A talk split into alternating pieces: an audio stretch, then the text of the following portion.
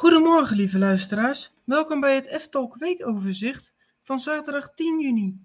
Mijn naam is Michelle en ik neem je mee in het nieuws over de wereld van de Efteling van de afgelopen week. Laten we beginnen bij vorig weekend. Binnenkort wordt het kasteel van Doornroosje opgeknapt. Scheuren in de muur worden gerepareerd, de trappen worden gerenoveerd en er zit een lek in de vijver dat hersteld zal worden. Wanneer dit gaat gebeuren is nog niet bekend. Ook staat het huisje van Hans en Grietje op de planning.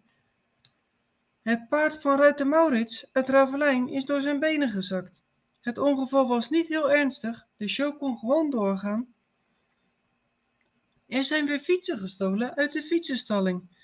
Na meerdere klachten en nu dit zoveelste incident heeft de Efteling besloten om de camera terug te plaatsen. De Scirocco zou deze week van maandag tot en met vrijdag gesloten zijn voor onderhoud. Dit is echter uitgesteld naar de week van 19 juni.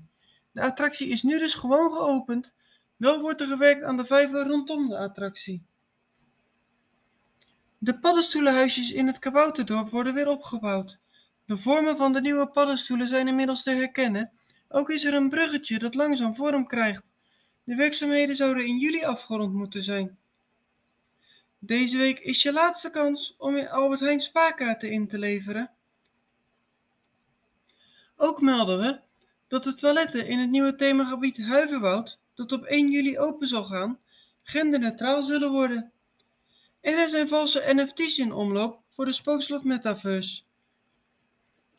In Anderrijk komt een duurzaam energiesysteem met een warmte-koude installatie. Dit levert een besparing op het totale gasverbruik op van circa 20%. De halve maan staat nu in de stijgers ik zal weer gaan kijken in de video van komende maandag. Gisteren meldde ik dat er een nieuwe attractie wordt geopend rondom het verhaal van Max en Moritz in het Duitse Freizeitpark Ploon. Dan nu het laatste nieuws. Er valt weer regen in het zompelwoud van de Droomvlucht. Ook wordt horecapunt de Meermin verbouwd. De uitgiftebalie en de koelingen worden vervangen en alles wordt grondig schoongemaakt. De werkzaamheden duren naar verwachting tot en met vrijdag 16 juni. Verder staat de waterval vlak voor het fotopunt bij de Piranha weer aan en is de kaartverkoop gestart voor de documentaire Het Spookslot, de historie van station Halfweg. De voorstelling is op 2 september in Theater de Leest in Malwijk te zien, om 1 uur en om 7 uur. Kaarten kosten 15 euro en de voorstelling duurt 2 uur en 20 minuten. Dit weekend is alleen de halve maan gesloten voor onderhoud. Ook zal de Meermin uiteraard gesloten zijn, omdat daar verbouwd wordt.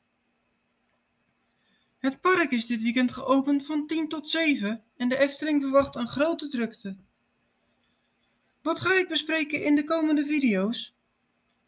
Maandag ga ik een kijkje nemen bij de verbouwing van de horecapuntjes en het kranthotel. Ook ga ik kijken hoe het ervoor staat met de halve maan en de baron. De maand mei was voor mij de eerste maand waarin ik actief was als vlogger. Er ging dan ook een hoop mis. Hier heb ik een compilatie van gemaakt die donderdag online zal komen. Dan nog het weer. Vandaag wordt het zonnig in de Efteling met een minimum van 17 graden en een maximum van 30. Morgen wordt het vergelijkbaar.